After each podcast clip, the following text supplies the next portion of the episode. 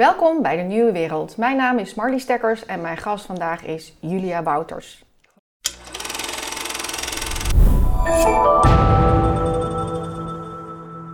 Hoi.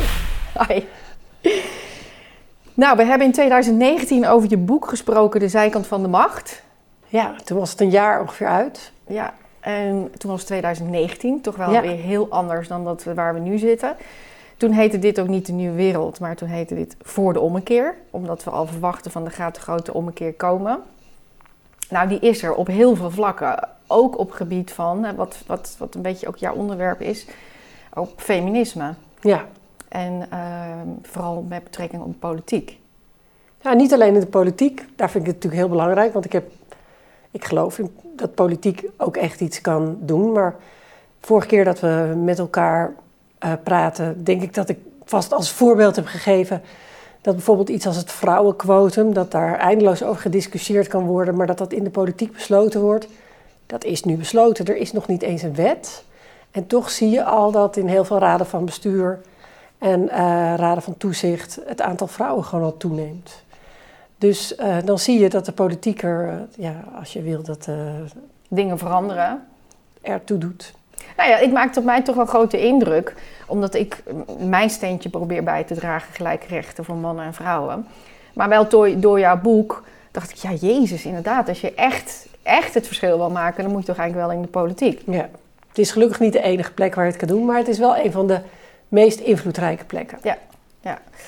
Ehm, is er in waar we nu zitten met de formatie, ehm, zitten we daar ook in een nieuwe wereld, vind jij? Nou nee, nu zitten we met z'n allen naar stilstaand water te kijken. Maar ja, misschien is het beter om even terug te gaan naar eh, de campagne. Waar we voor het eerst eh, sinds mensheugenis gewoon een aantal vrouwelijke lijsttrekkers hadden. Of vrouwen die lijsttrekker waren. Die ook gewoon op topniveau meespeelden. Nou, D66, Partij voor de Dieren PvdA had PvdA. opeens eh, heel kort van tevoren ook een en vrouw. SP. Eh, ja, maar ook eh, outsiders zoals eh Sylvana Simons. Ja, nu die bij één. Ja, of Caroline van der Plas. Het waren opeens kleine partijen, maar die wel ja, behoorlijk veel media-aandacht genereerden. En de grote partijen, ouderwetse machtspartijen, die ook een vrouw aan het hoofd hadden. En dat heeft wel toch wel een, ja, een, een kleine grote revolutie ontketend.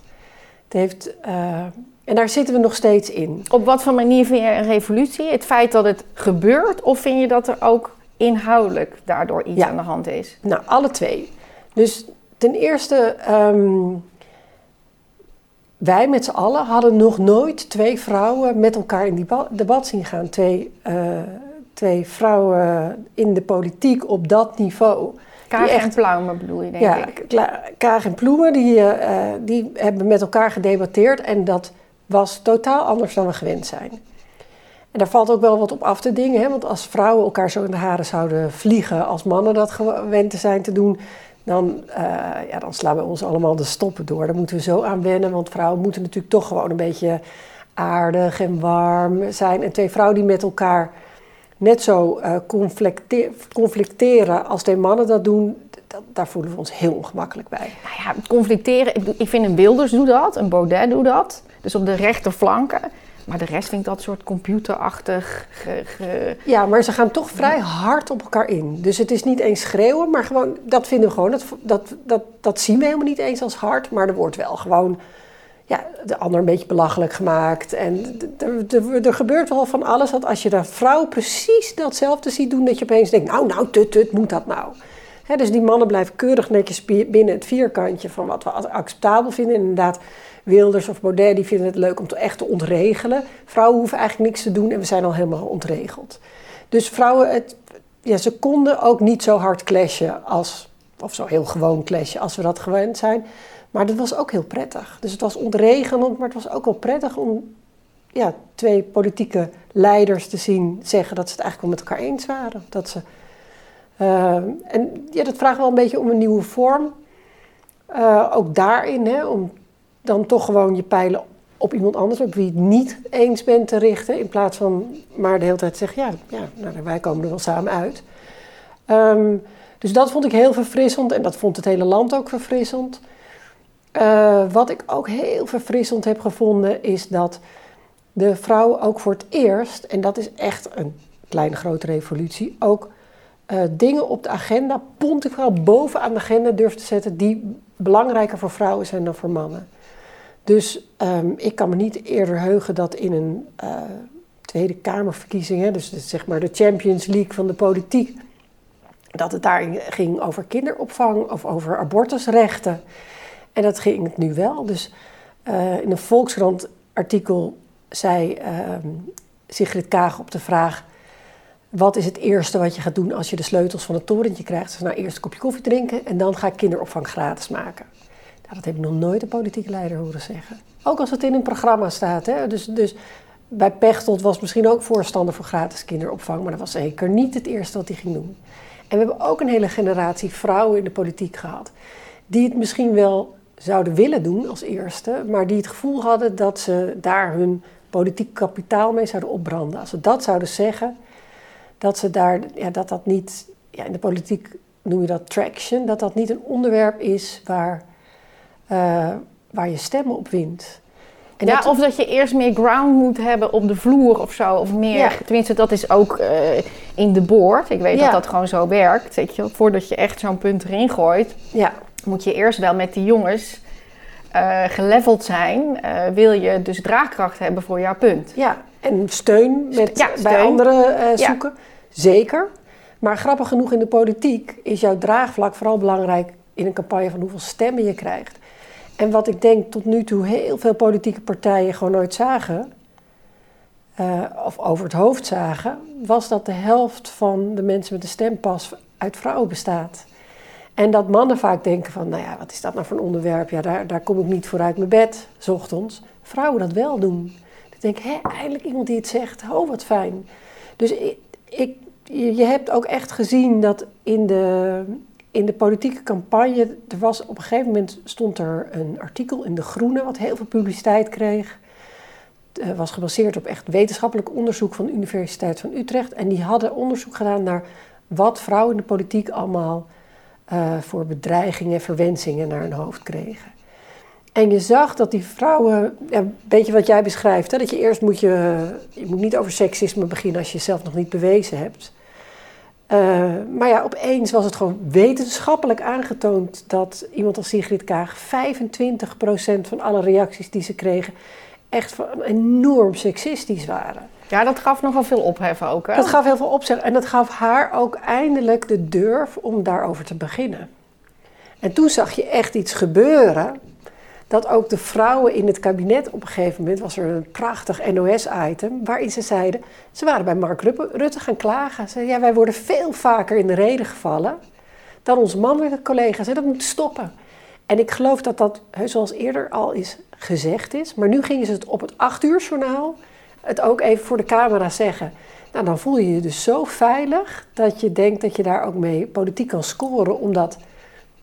Is er dan ook zoiets als momentum? Ja.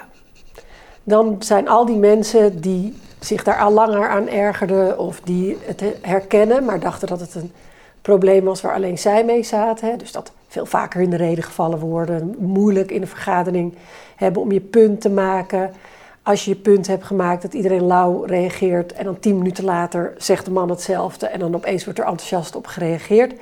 Heel veel vrouwen herkennen dat. Heel veel vrouwen denken dat het iets is wat bij henzelf ligt, wat ze, dat ze iets moeten veranderen aan zichzelf, meer, met, meer power of juist charmanter of wat dan ook. En op een gegeven moment komt er een besef, dit overkomt vrouwen. En of je nou je heel vrouwelijk gedraagt of weer masculien gedraagt, of je nou met je vuist op tafel of met al je charmes probeert, dit blijft maar terugkomen. Het is een probleem. En wij moeten dat bij mannen eens een keer onder de aandacht brengen, dat ze dat doen. Als en als het nou, dat dus- heeft denk ik ook wel best wel veel uh, uh, stemmen gegeven aan, zeker aan D66, ja. dit, deze discussie. Ja, ja er, ik denk dat er heel veel ook mannen hoor, die dat herkennen en het een belangrijk punt vinden. Maar heel veel vrouwen dachten, ja, dat vind ik belangrijk. En nou is er eindelijk in de politiek iemand die het zegt. Maar ja, um, Sylvana Simons maakt er ook altijd een punt van. Marianne Thieme deed het altijd al, maar Esther Ouwehand van de Dierenpartij ook. Partij van de Dieren. Uh, Ploemen is natuurlijk gewoon een, een, een, uh, ja, een echte feminist met een feministische achtergrond ja. ook. Uh, dus opeens. We, nou, en dan natuurlijk Caroline uh, als nieuwkomer, die daar ook weer een heel eigen geluid. Uh, ja. Dus twee, Sylvana en Caroline, natuurlijk twee totaal nieuwkomers. Ja, en ook wat ook heel fijn is. En heel ontregelend is. Want ik denk dat dat ook een van de redenen is dat we nu al zo heel lang in die stilstaande formatie staan. dit zijn ook allemaal vrouwen die niet het niet zo willen spelen zoals het altijd al gespeeld wordt. Het, is, het zijn allemaal vrouwen die zich heus wel een beetje aanpassen aan de mores, maar zelf daar grens in stellen. En dus niet gecharmeerd zijn van gecharmeerd worden. En al die uh, vaardigheden van Mark Rutte uh, zijn opeens, ja, die vallen dood uh, bij deze vrouw. Dus je ziet ook dat in debatten of zo, hij krijgt geen grip op een Sylvana Simons. Hij krijgt geen grip op Sigrid Kaag. Zij zijn niet gecharmeerd van een extra beetje aandacht van die altijd een eeuwig charmante Mark Rutte. Um, en dat, dat maakt dat ook hij weer helemaal opnieuw moet uitvinden van, ja, hoe, hoe speel ik het spel?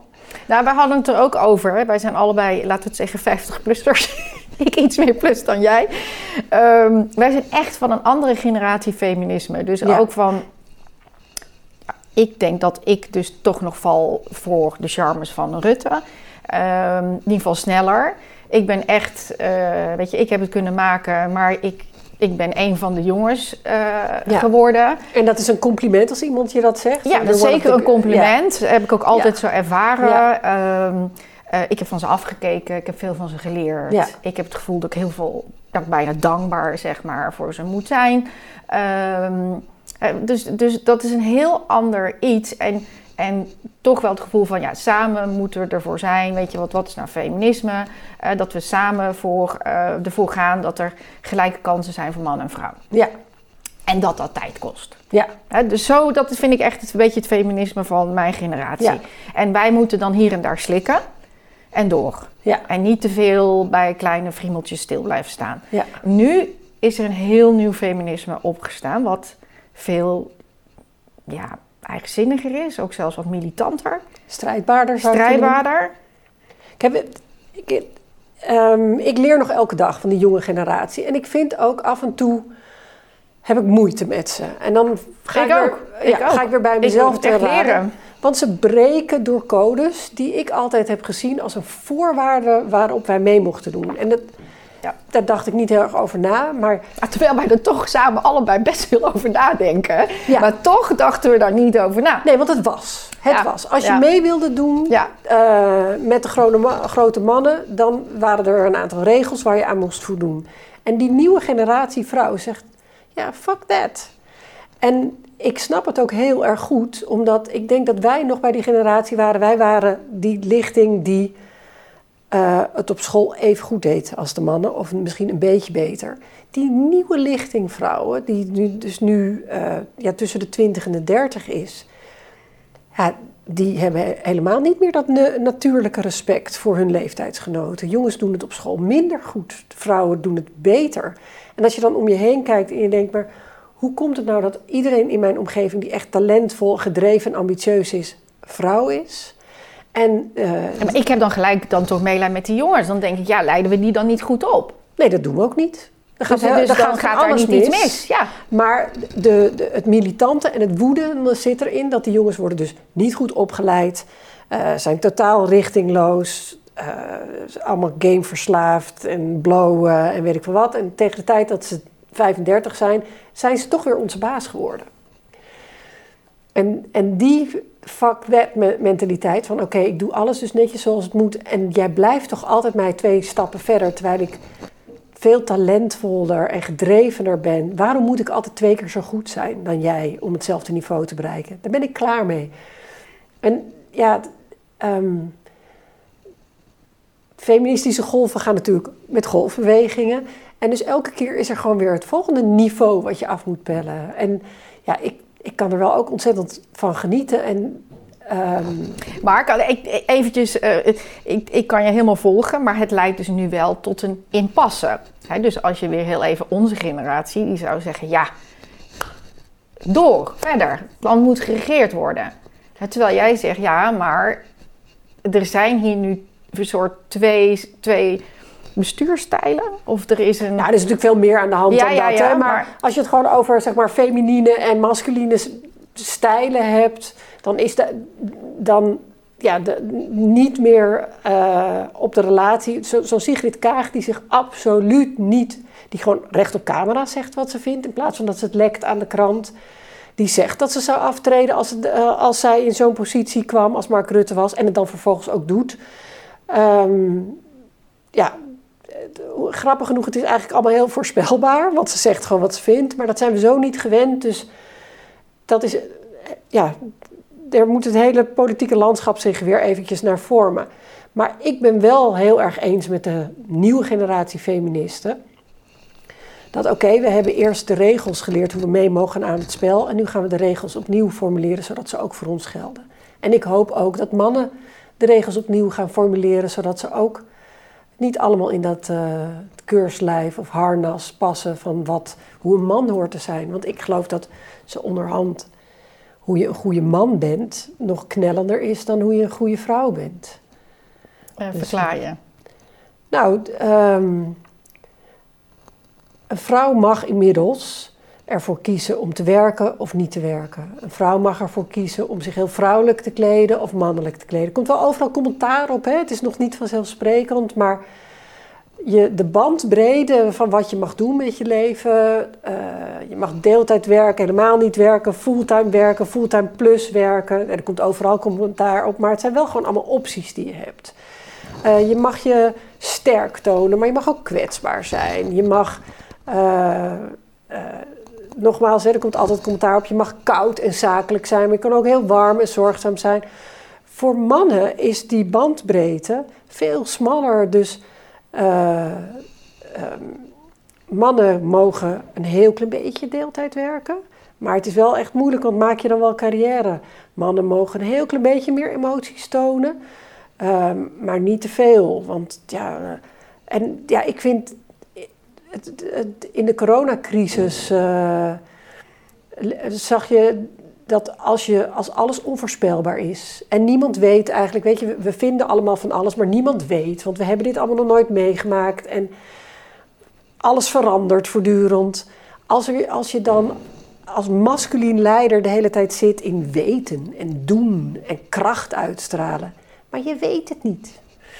En je weet ook niet zo wat je moet doen. Dan is het een veel sterkere manier om daarmee om te gaan, om te durven twijfelen.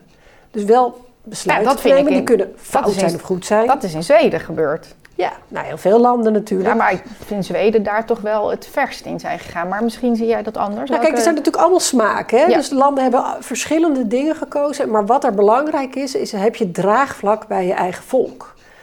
Want wat je ook kiest als de manier om uit de pandemie te komen, het is wel fijn als je dat met z'n allen doet en een beetje vertrouwen in je overheid houdt. Dus daarin is Denemarken heel fascinerend. Daar is het draagvlak Heel groot. over heel groot. Ja. Dus iedereen houdt zich aan de regels, wat die regels ook zijn. Eh, mensen hebben het gevoel, we doen iets goed. Ehm, ja, daarvoor is het belangrijk dat je zowel met nou, dat je zowel hard als zacht kan zijn. Dat je zowel eh, begrip hebt voor de onzekerheden en de angsten van mensen, voor hun eenzaamheid, als dat je zegt, en toch moet dit zo. En wat dat dan is, weet je, iedereen deed ook maar wat. En sommige besluiten het pakte heel goed uit en andere waren desastreus. Hè. We, we hebben hier vlak voor de zomer ging alles open en toen werd iedereen met noodtempo weer ziek. Nou, niet ziek, eh positieve test. Dus we, we Nee, maar de, zieke- het ging ook, de ziekenhuizen lagen weer vol. Er waren gewoon te weinig. eh, er gingen toch gewoon weer mensen eh, die te kwetsbaar waren, eh, werden blootgesteld aan. En ehm, ook daarin mag je eerlijk communiceren. Hè? Dus je, je mag zeggen. Je mag nu zeggen, we sluiten alle cafés voor mensen die niet gevaccineerd zijn, want we willen dat iedereen zich laat vaccineren. Maar zelfs dat doen ze niet. Dus er wordt overal er is geen eerlijke, rechtlijnig iets, maar alles is wel heel stellig. En, uh, en vind, jij dan het, vind jij het dan een beetje het cliché feminien beeld? Is dan dat je ook durft te zeggen, ik twijfel of ik weet het niet? Of, um... Ja, dus uh, Angela Merkel heeft bij die allereerste persconferentie, weet je, op een gegeven moment hadden ze zo al die leiders van elk land had dan zijn torentjes toespraak. En daarin heeft zij meteen gezegd, we, ik weet het niet en we gaan ontzettende fouten maken. Maar het doel is altijd om te zorgen dat we hier samen uitkomen. Die, die eerste speech van haar was fantastisch. Maar daarna is ze natuurlijk ook behoorlijk... Uh, dat land zit echt zo uh, helemaal scheel te kijken van haar harde optreden. Ja, dat kan je zeggen. Maar tegelijkertijd kan je daar wel tot diep in de nacht gewoon de disco in. Wij moeten nog steeds allemaal om 12 uur naar huis. Ja, mijn winkels... Dus... Ik, ik kan niet leveren aan de winkels. Want die zijn al heel lang dicht. Dus... nu nog? Ja. Die zijn continu, dan is die staat dicht, daar dicht, dicht. Ik, kan, ik kan in Duitsland nauwelijks leveren. Dus uh, ik heb nog uh, heel veel spullen voor Duitsland staan. Dus dat is bijvoorbeeld weer heel streng. Ja, nee, en, zijn, en, ze, en ze geven zijn... daar zelf ook aan, weet je wel, van mijn klanten hoor. Nou ja, er is heel weinig draagvlak. Uh, dus in Duitsland, ook al is het dan dus een vrouwelijke leider. ja, maar ik geloof dat er nergens heel veel draagvlak is. Wat, wat anders is dan heel weinig draagvlak. Dus weet je, die dingen worden gewoon gemeten. Um, er is misschien niet heel veel draagvlak, maar mensen doen het wel. Ze houden zich wel aan de regels. En natuurlijk zijn er ook daar enorme demonstraties. Geeft, dus ook als je boetes geeft? Nee, in Duitsland, het heeft ook met de volkscultuur natuurlijk te maken. Maar ze vertrouwen de leider en ze doen wat ze opgedraagd worden. En dan hebben ze er misschien kritiek op. Maar wij, wij snappen niet meer, wij snappen de gedachten niet meer. En dat komt omdat als je eerst heel stellig roept, mondkapjes werken niet. Want het is niet wetenschappelijk bewezen en vervolgens verplicht je ze, dan snappen we het niet meer. Of er is een, je mag wel met z'n allen de kroeg in, maar dan om twaalf uur moet je naar huis. Uh, we, we snappen het allemaal niet meer. En als je zegt, ja, we, gaan, we zijn een beetje aan het uitproberen. We gaan stapjes. En dat je daar de kwetsbaarheid en het zoekende in durft te benoemen, dan begrijpen een mens meer. Maar laten we wel zijn, weet je, ga er maar aan staan. Het, uh, ik ben blij dat ik niet de baas was van welk land. Nou ja, en, ja ik bedoel, dat vond ik, vind ik in het begin, maar op een gegeven moment vind ik dat toch ook wel wat moeilijk te verkopen gaat er maar aan staan. Het is in ieder geval een. Um, um, nou ja, het, het, het wordt stoer in stoere talen ook verkocht. Weet ja. je wel? Dus het is ook, hè, we slaan hem met een hamer uh, bovenop en dan hebben we het virus en, eronder. Ja. Dus het is dus eigenlijk een beetje macho-achtige manier van we gaan dit, we gaan dit cheffen. En alle vergelijkingen gaan altijd over auto's en boten en... Uh, um, ja, snelheid is ook, weet je... Van, ja, dat, nee, maar het is dus allemaal heel masculien. En in, uh, ze hebben ook onderzocht, hè, op een gegeven moment stond dat artikel... waarom landen met de vrouw aan het hoofd het beter deed, wat dan beter ook is... Um, en toen kwamen ze erachter dat het natuurlijk helemaal niet ligt aan die ene vrouw dat het beter gaat. Maar dat meestal als een land al een vrouw aan het roer heeft, dan zijn ze ook, hebben ze ook een inclusievere manier van vergaderen. Dat betekent dat ze gewoon meer gewend zijn om naar elkaar te luisteren. Naar verschillende mensen luisteren. Dus ook naar de zachte dingen. Of ook meer oog hebben voor kunst. Of uh, weet je, dat je met elkaar praat en dat je dan een soort van balans opmaakt van wat leeft er allemaal in het land. Um, en daarmee heb je een gedragener besluit dan. Maar in Nieuw-Zeeland, zij gaat toch wel fors. Zij, zij heeft gezegd van, nou ja, er is maar één werkelijkheid. En dat is wat de staat zegt. Dus zij gaat daar toch, uh, dat vind ik nou juist niet inclusief en uh, op samen. Nou, dus zij hebben daar gekozen om, om, ja, het is een eiland, dus ze hebben gewoon alles dichtgegooid. Ja, Maar zij hebben wel al maar alles kunnen doen. Nee, als er één besmetting is, dan moet, het, dan ja, moet iedereen weer naar binnen. Ja, dan gaat twee weken dicht. Zo, een beetje die, dat, dat naïeve gevoel wat wij in het begin van de pandemie hadden. Dat we dachten, even met twee weken ja. met z'n allen de tanden... De... Ja, dus of dat nou per se beter is, dat weet ik niet. Maar het is sowieso de vraag, zijn wij vrouwen beter als mannen? Dat moet volgens mij ook niet de nee, discussie ik denk, zijn. Ik denk niet dat vrouwen beter zijn dan mannen.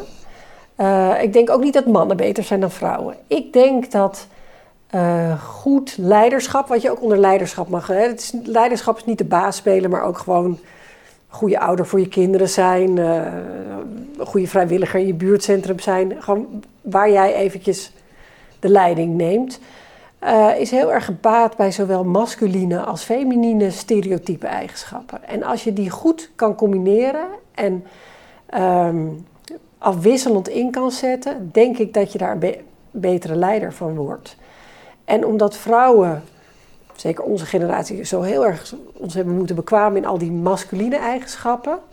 Ehm, maar toch ook afgerekend werden als we daar niet ook nog wat vrouwelijkheid in gooiden. Hebben wij gewoon een, een, een vrij breed uh, pakketje aan vaardigheden waar je uit kan putten.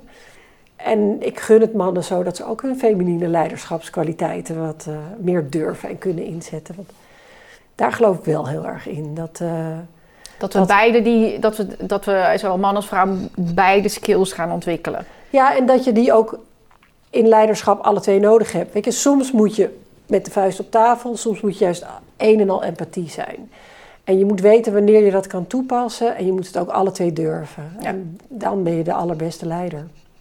Je had een um, artikel geschreven in het Financieel Dagblad hè, van we moeten wennen aan een hele grote mevrouw als Sigrid Kaag. Ja, zo had Mark Rutte had haar een hele grote mevrouw genoemd. dat, is, dat, is natuurlijk al partij nog moet liggen dat je dat natuurlijk niet zo zegt. Je zegt ja. een hele grote meneer. Maar misschien even wat, wat, uh, wat is jouw punt, zeg maar? Wat wilde je daar maken? Want uh, ik bedoel, Kaag heeft het absoluut mee, had het mee, de wind mee uh, voor de verkiezingen. Dus door dat artikel waar we het net over hebben gehad. Ja. Um, maar nu. nu nou, ze, de, ik vind het belangrijk om even twee hele verschillende dingen uit elkaar te halen. Um, ik heb niet op Sigrid Kaag gestemd. Ik um, ben ook. ik vind het goed dat ze is afgetreden, want ik vond dat ze er potje van gemaakt ja, heeft. Of dat nou haar schuld is, doet er even niet toe, maar het is wel haar verantwoordelijkheid. Ja, zij is minister. Dus ik kom, het is niet dat ik voor haar als inhoudelijk, voor haar als politica of als minister uh, opkom. Ik wil gewoon elke keer mijn vinger erop wijzen als ik merk dat er heel erg anders naar een vrouw gekeken wordt dan een man. En ik wil heel graag zeg maar, dat touwtje waar we op balanceren gewoon steeds breder maken. Ik wil dat er gewoon een achtbaan snelweg komt voor vrouwen om op te kunnen, gewoon zichzelf te kunnen zijn. En ik merk gewoon dat, dat heb ik ook al heel erg gezien toen Femke Halsma burgemeester van Amsterdam wordt, dat wij nog zo moeten wennen aan een vrouw die de baas is en die dat doet op haar eigen manier, wat dat ook is. Dat ik wil de hypocrisie daarin uh, steeds even benoemen. Uh, en ook het, ja, op een spiegel voorhouden. Ja, en, en dat gaat van het subtiele seksisme, als zeggen dat iemand een hele grote mevrouw is, tot dat ze altijd uh, voor heks uitgemaakt wordt. Uh, of dat de aandacht gaat naar dat ze een dure jurk aan heeft. Of, um, ik wil gewoon steeds even ons allemaal wakker schudden dat we. En ik, ik spreek altijd over we, dus niet mannen moeten er nog aan wennen of sommige soorten mensen moeten er aan wennen, maar we moeten er met z'n allen aan wennen dat je dus uh, een vrouw kan zijn met machtshonger. Dat je gewoon zegt, ik wil de premier van dit land worden. Dat je uh, een aantal vrouwelijke kenmerken hebt en een aantal mannelijke kenmerken hebt. En dat dat alle twee oké is. Dat je dus niet de hele tijd een vrouw hoeft af te rekenen op hoe warm ze is. En je, ik, ik wil ook heel erg dat mensen zich bewust van worden dat de, de woorden die ze gebruiken dus de woorden die je gebruikt als, ja, uh, bij haar wordt alles altijd als heel filijn. Dus ze is niet strategisch, ze is filijn. Ze is niet uh, zakelijk, ze is koud. Ze is niet, uh, nou ja, je kent ze allemaal wel. Weet je? Dus het is allemaal, als het zich van de zachte kant laat zien te veel, dan zal ze wel niet competent zijn. Je zag het. Uh, als we dit opnemen, is het de dag na de algemene politieke beschouwingen. En daar was uh, Sophie Hermans, uh, is vice-fractievoorzitter van de VVD. En die moest vier uur lang koppen. Dus zij komt aan het woord voordat Mark Rutte de standpunten van de VVD moet verdedigen. En zij kon daar alleen maar meebuigen, maar niks geven. En dan krijgt zij recensies over hoe ze dat doet. En dan zeggen ze dat ze dat zuur en pinnig deed. En dat zijn seksistische woorden. Je zegt niet over man dat hij zuur en pinnig was. Dan is het standvastig, gaf geen millimeter mee, stug misschien. Maar zuur en pinnig zijn echt typische woorden die je gebruikt op een, bij een competente vrouw. En als ze daar te veel had staan giechelen, was ze natuurlijk niet competent. Dus je kan het nooit goed doen. En ik, ja, ik wil daar gewoon steeds even in poeren. Nou ja, eh, terwijl je dit zegt, moet ik ook gewoon bij mezelf. Ik heb uh, 20, 25 jaar lang in interviews gezegd van... ambitie is een monster. Maar nou, daarmee ondermijn ik eigenlijk mijn eigen ambitie door, door hem een monster te noemen. Dus ik zeg niet van ja, ik ben gewoon heel ambitieus. Nee, dan noem ik het een monster. Dus daar zit het natuurlijk dan ook. Nou, het is zo grappig als je het moment dat je er bewust van wordt van hoe je elke keer probeert te, uh, te verkleinen, verzachten. Ja, ik, heb, ik, ja, ik ben ontzettend ambitieus, maar ik ben ook bescheiden. Ik heb hele duidelijke doelen, maar uh, ja, misschien weet ik het toch niet zo zeker. Dat, dat zijn de voorwaarden waar je steeds tussen dat um, aardig gevonden en competent gevonden worden moet laveren als vrouw. En, uh, nou, ik vond mezelf al behoorlijk schaamteloos, maar door jou denk ik iedere keer, nou ja, ja. ik doe het toch ook eigenlijk zelf best wel.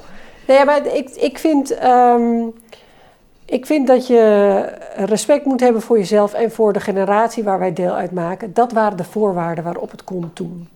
En laten we dankbaar zijn dat die voorwaarden wat opgerekt zijn voor de volgende generatie. Uh, maar ik, weet je, ik, ik vind. Um, Margaret Thatcher, hoe die met haar vrouwelijkheid omging. En tegelijkertijd allemaal, weet je, het wel vaak zei van ja, de enige met ballen, hier ben ik. En die, die was echt altijd zo. Heel masculien. Ja, en tegelijkertijd kleedde ze zich heel feminien met haar handtasje, wat ze op haar schoot hield hè, bij vergaderingen en zo. Dus die was, uh, die was tussen dat uh, masculine en feminine aan het laveren in de ruimte die zij had. Angela Merkel hetzelfde. En die ruimte wordt ja, steeds iets groter. Ja. Angela Merkel. Ja. Nou, Theresa May, hè, de voormalig premier van Engeland, die had altijd hele rare schoenen aan. Want als ze, ze gaan altijd over mijn kleding hebben, dan, dan richt ik even waar ze het dan over kunnen hebben. Mijn schoenen. Ik heb altijd gekke schoenen aan. Dan hebben we dat even Als gehad. bij eh, de jongen. Ja. Heb je het ook uh, bloemschoen wordt die toch? Ja, maar ja, voor een man is het heel makkelijker. Die kan gewoon dat donkerblauw pak aandoen.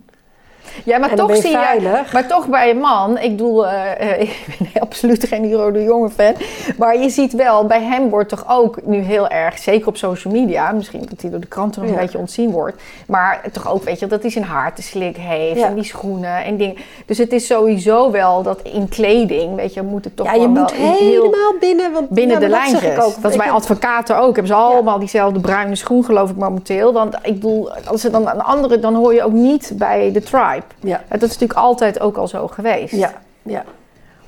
Ja, dat is, uh, dus het is voor mannen ook helemaal niet makkelijk. Dus als er wat meer ruimte komt, dan hebben mannen daar ook heel veel baat bij. Dat ze ook gekke schoenen aan mogen als ze daar gelukkig van worden.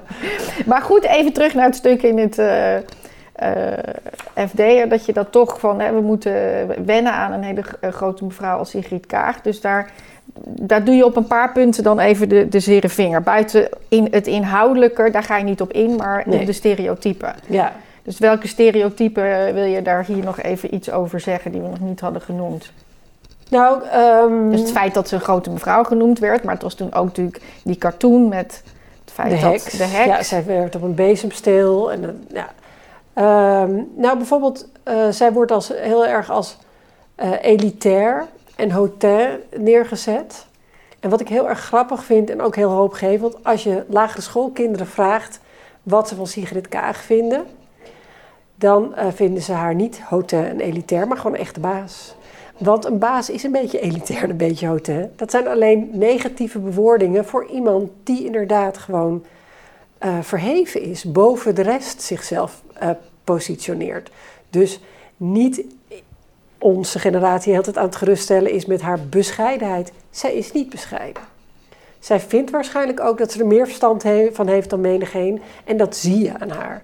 En waar we dat heel erg geaccepteerd hebben van mannen, en dat ook zien als een competentie, hè, uh, misschien ook niet aardig, maar dat prima, ook helemaal niet verwachten dat onze leider zo aardig is, maar als hij maar competent is, vinden we dat bij vrouwen nog steeds heel ongemakkelijk.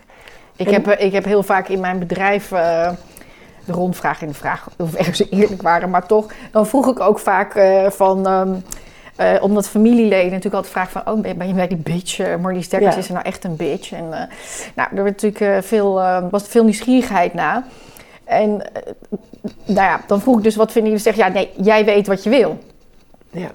Dus dat is dus, je weet wat je wil en een bitch, weet je, dat is natuurlijk ook zo'n een, een verwarrend iets. Het, het geruststellende is ook wel dat uh, naarmate er meer vrouwelijke leiders zijn, mensen die onder een leider die vrouw is werken, ja, dan zijn de vooroordelen ook snel over. Dus het is meer in de vrouw in je bedrijf die je niet kent, waar je dan een oordeel over hebt, dan als je eenmaal een paar jaar onder iemand werkt en zegt, ja, duidelijk. Maar dus het is wel stepping stone.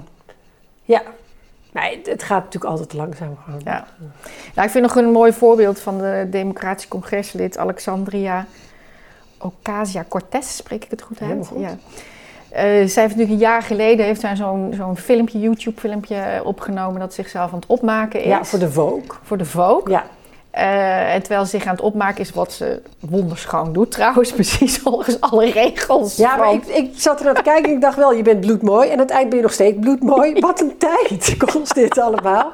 Uh, maar nee, jij maar haar uit had ze perfect gewoon mooi gemaakt. Wat, wat, wat uh, binnen de mode dan in ieder geval is. Ja. wij mooi vinden. En hier maakt ze ook een statement met haar jurk bij... ja, Tax the Rich staat Tax op haar gala bij het met gala. Hier Tax the Rich. Ja. En terwijl zij, uh, dus zij speelt wel echt met die vrouwelijkheid. Hè, want je opmaken is natuurlijk ook gewoon wel typisch vrouwelijk. Hè, kost allemaal veel tijd. En, uh, nou, het, het, het geestige is, want daar, kijk, jij bent natuurlijk uh, wel heel erg one of the guys geweest, maar heb altijd met je vrouwelijke seksualiteit gespeeld. Daar was jij een rolmodel in. Ja. En, ook een, en het product is het natuurlijk ja, ook. Ja. ja, ja, maar het product en jij zijn wel heel erg compatible. Ja. En dat was ook heel vernieuwend. En dat was ook heel bevrijdend, want er is ook een hele tijd geweest dat als je als vrouw serieus genomen moest worden, moest je ook je in je uiterlijk. Uh, uh, Tone down. Ja, net. Weet je, je moest er ook niet onaantrekkelijk uitzien, zoals de radicale feministen van de Tweede Golf. Uh, dan, dan was je ook afgeschreven, maar als je je te mooi maakte, dan leidde dat weer af van wat je wilde. En, en dus dat je nooit mag doen ik heb ontzettend genoten een keer van een uh, feestje van de Opzij. Daar waren dus drie mannen en 500 vrouwen. En die vrouwen hadden zich allemaal mooi gemaakt. Dus niet om mannen het, met mannen te flirten. Om, om elkaar, om zichzelf. Maar gewoon... En dan op een gegeven moment ook halverwege de avond gingen ook alle hakken uit, want ze gingen knellen. Dus stond iedereen op zijn blote voeten daar. Ik vond dat zo'n verademing, want het was dat was echte vrijheid. Ik ga naar een feest. Ik heb zin om een indianentooi aan te doen. Ik ga in volle oorlogskleuren. En uh, ik heb er zin in. En nu doen mijn schoenen pijn. Ik, ik heb in mijn uit. bedrijf 30 jaar lang Heerlijk. niks anders gezien.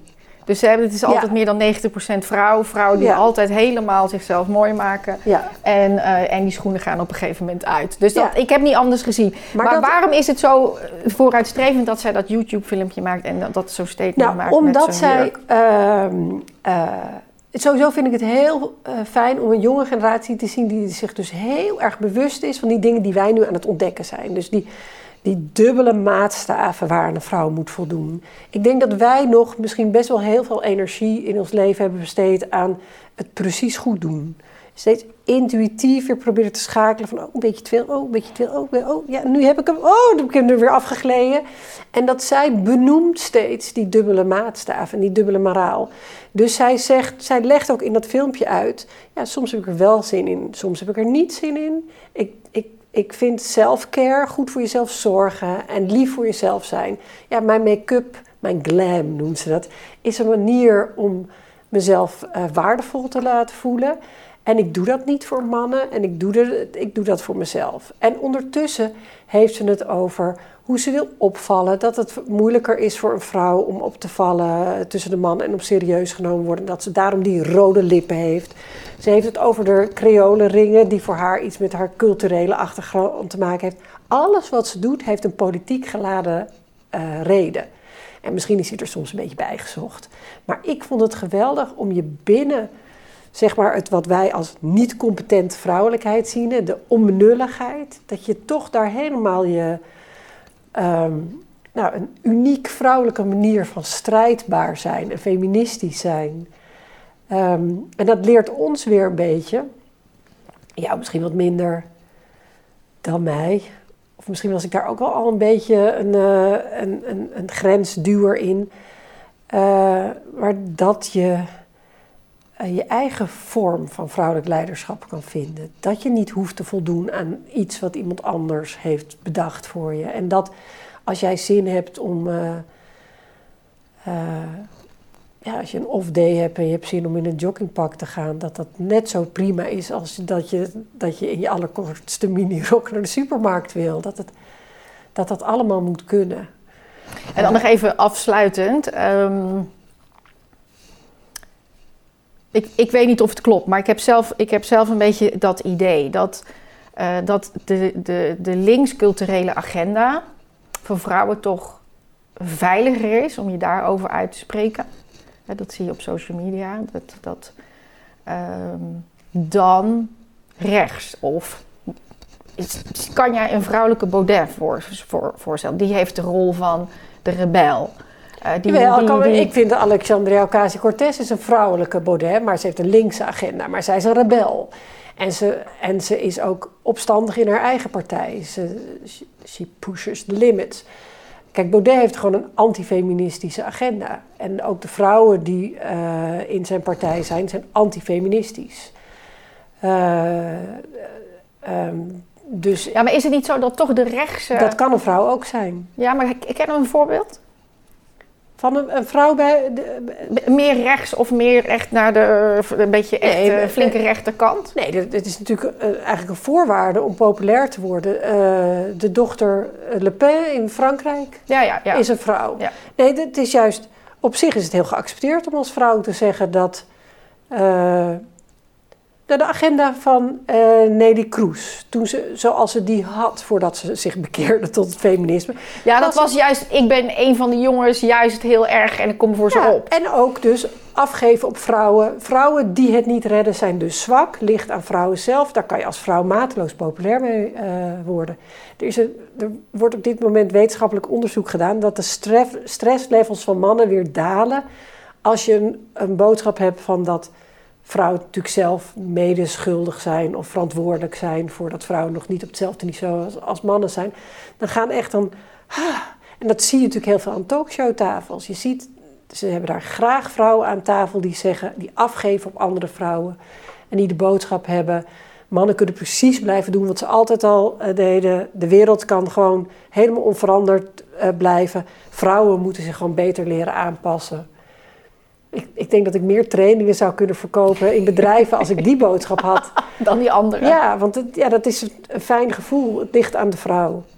Ja, nog heel even afsluitend, hè, want dat doe jij, ja. Dus jij, jij, jij, jij bent begonnen met een, ehm, ja, wat is het, training geven? Of je, je bent Nee, op zoek naar vrouwen die, die zich om klaar, klaar te stomen voor de politiek? Ja. Of hoe moet ik het zien? Ja, Even nog heel kort. Eh, ja, ik ben een stichting begonnen samen met een andere vrouw. ehm, eh, om meer vrouwen in de politiek te krijgen. Vrouwen in de politiek heet die.nl.